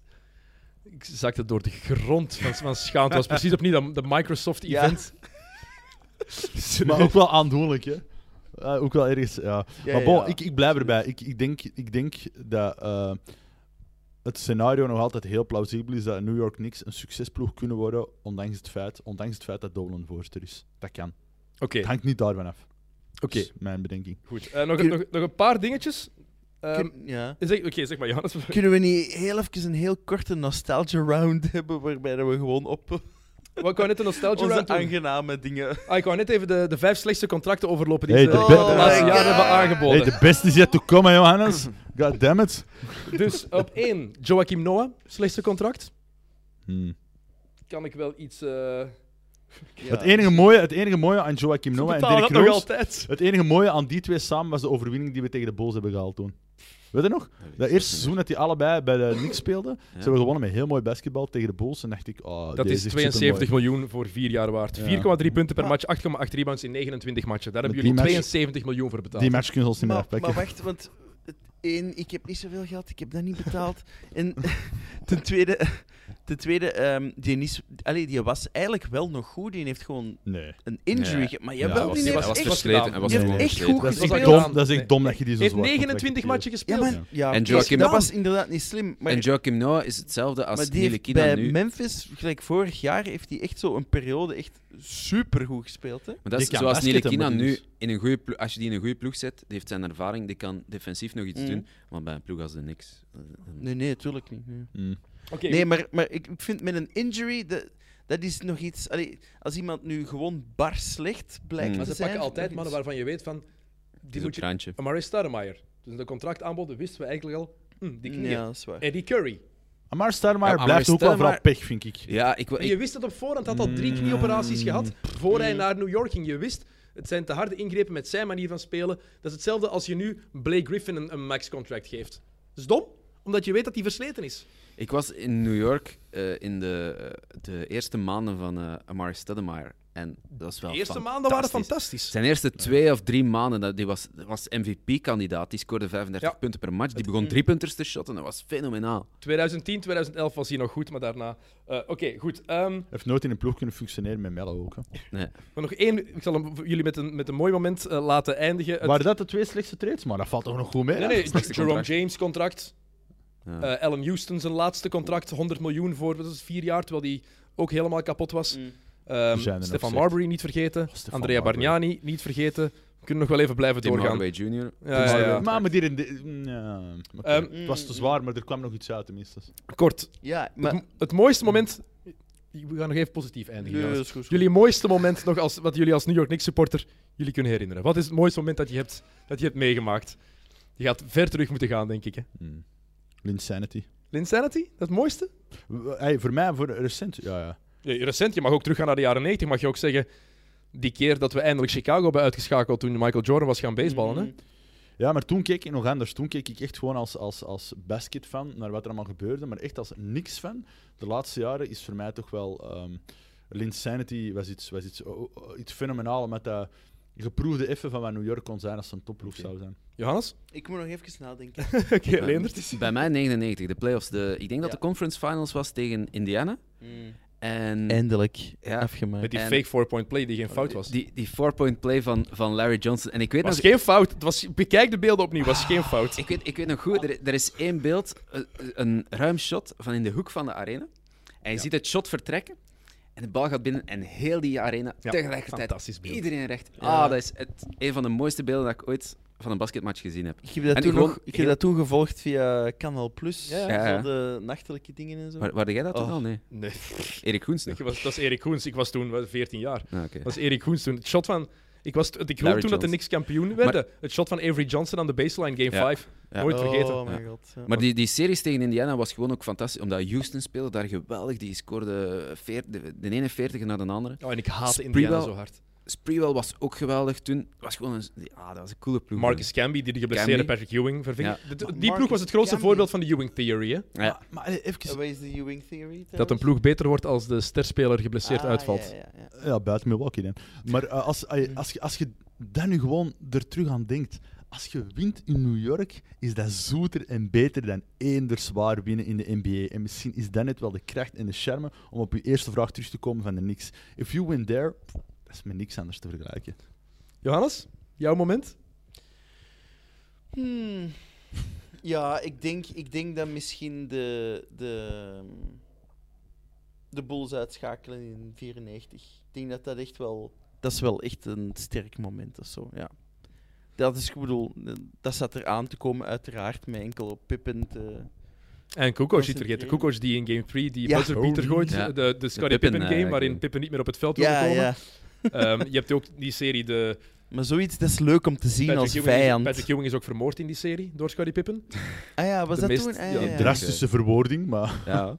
Ah, of weet je, Voor één misschien dag. die Starks dunk waarin dat hem Oh. zo over, echt zo vliegt met zijn hoofd eerst. Oh man. 1993, de serie waarin de, de Knicks 2-0 voorkomen en het dan helemaal uit handen geven. Vier keer op rij verliezen van Jordan en de Bulls.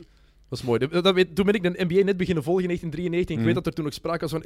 Het is voorbij, de Bulls kunnen het niet meer. eh, Michael Jordan is niet goed genoeg. Ah, en toen Ja. kwam, Little kwam did MJ they know. terug. toen kwam. There was MJ, vier matchen op rij. Dag, New York, Wie, dag. wie, wie wordt de volgende coach, Dennis? Dat is een de goede hè? Ik heb er geen idee van.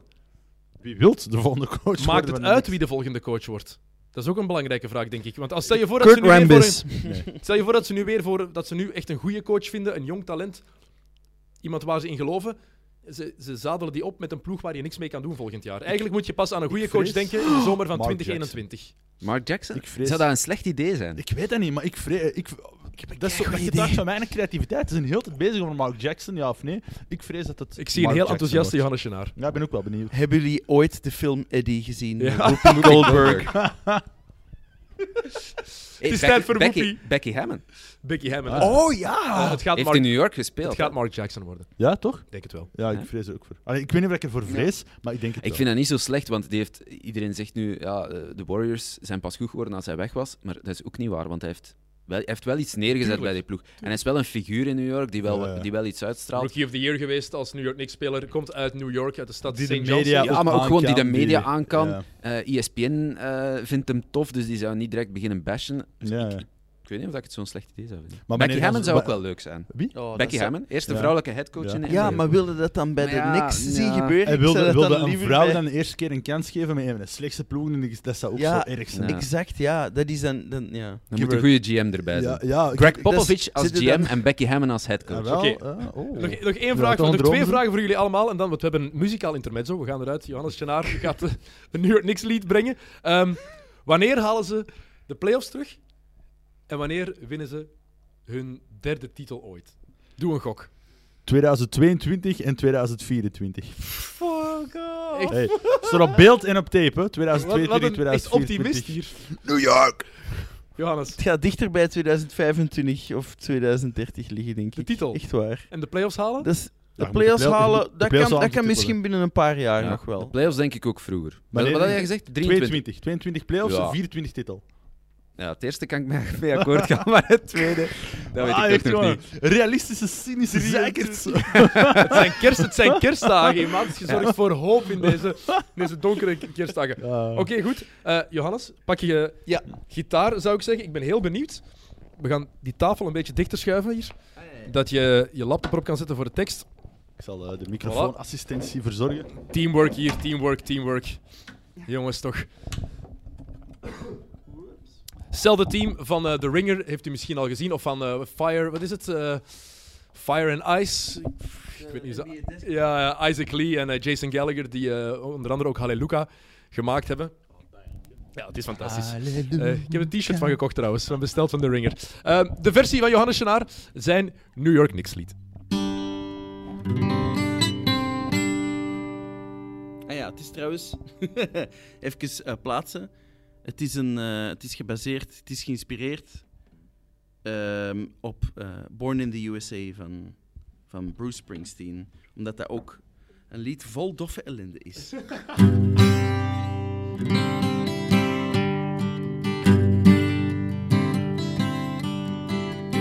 Born down on Jamaican sands, could dominate before he could stand. Talking about Patrick Ewing, well, what else should we be doing? He came in on a frozen envelope and gave the Knicks a dose of new hope. Turned out to be unstoppable, they kept running into Jordan's Bulls. Born in the UNH, born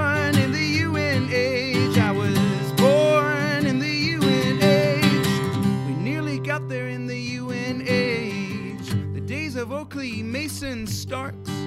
Safe to say they understood the arts of defense and pulling arms out of sockets. Too bad they fell to the dreams rockets. Then we brought in the trail and Larry. It was a short but fruitful marriage. Shooting three and ones, hardly dunking.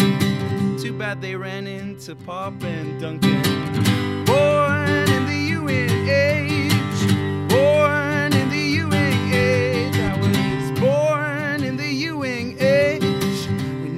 Got there in the UNH. Got rid of Pat and more's the pity.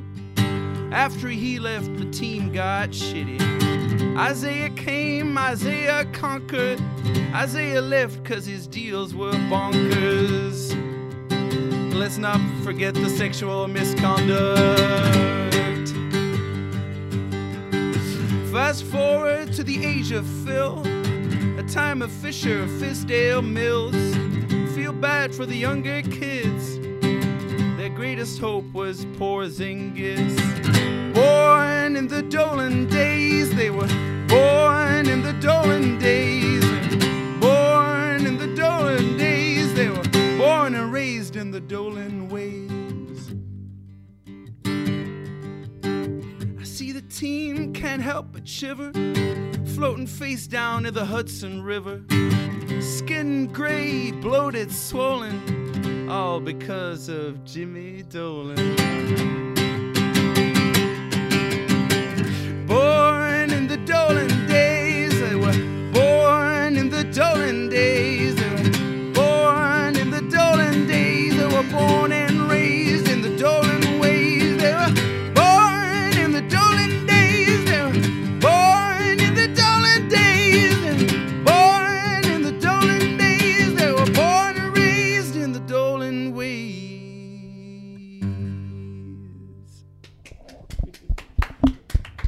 Fantastisch, fantastisch. Oké, we moeten dit nog eens denk ik echt in een studiootje opnemen ergens. Tekst online zetten. Dit, eh, dit kan alle- alleen maar een, eh, alleen maar een, een hit worden. Um, Imad Anouri, Janne Genaar, Leender Derk, dank jullie wel om tijd te maken. En ik wens jullie in deze mooie eindejaarsdagen alleen maar eh, geluk toe en hoop. En ik hoop dat er niks... Oprecht, ik hoop echt... Ik lach ermee. Ik ben er heel cynisch over altijd. Maar ik hoop echt dat er niks snel terug goed komt. Want de NBA is zoveel mooier als de Lakers goed zijn, als de Celtics goed zijn, als de Sixers goed zijn, als de Bulls goed zijn en vooral ook als de New York Knicks goed zijn. Dat hoort erbij voor mij. Dus ik, ik hoop het oprecht van harte dat, eh, dat alles terug goed komt ooit. Of dat ze tenminste contenden. Hè? Amen. Voilà, goed. Eh, jullie bedankt voor het kijken, luisteren, eh, wat het ook is. En een heel fijn eindejaar gewenst. En tot in 2020. Salut.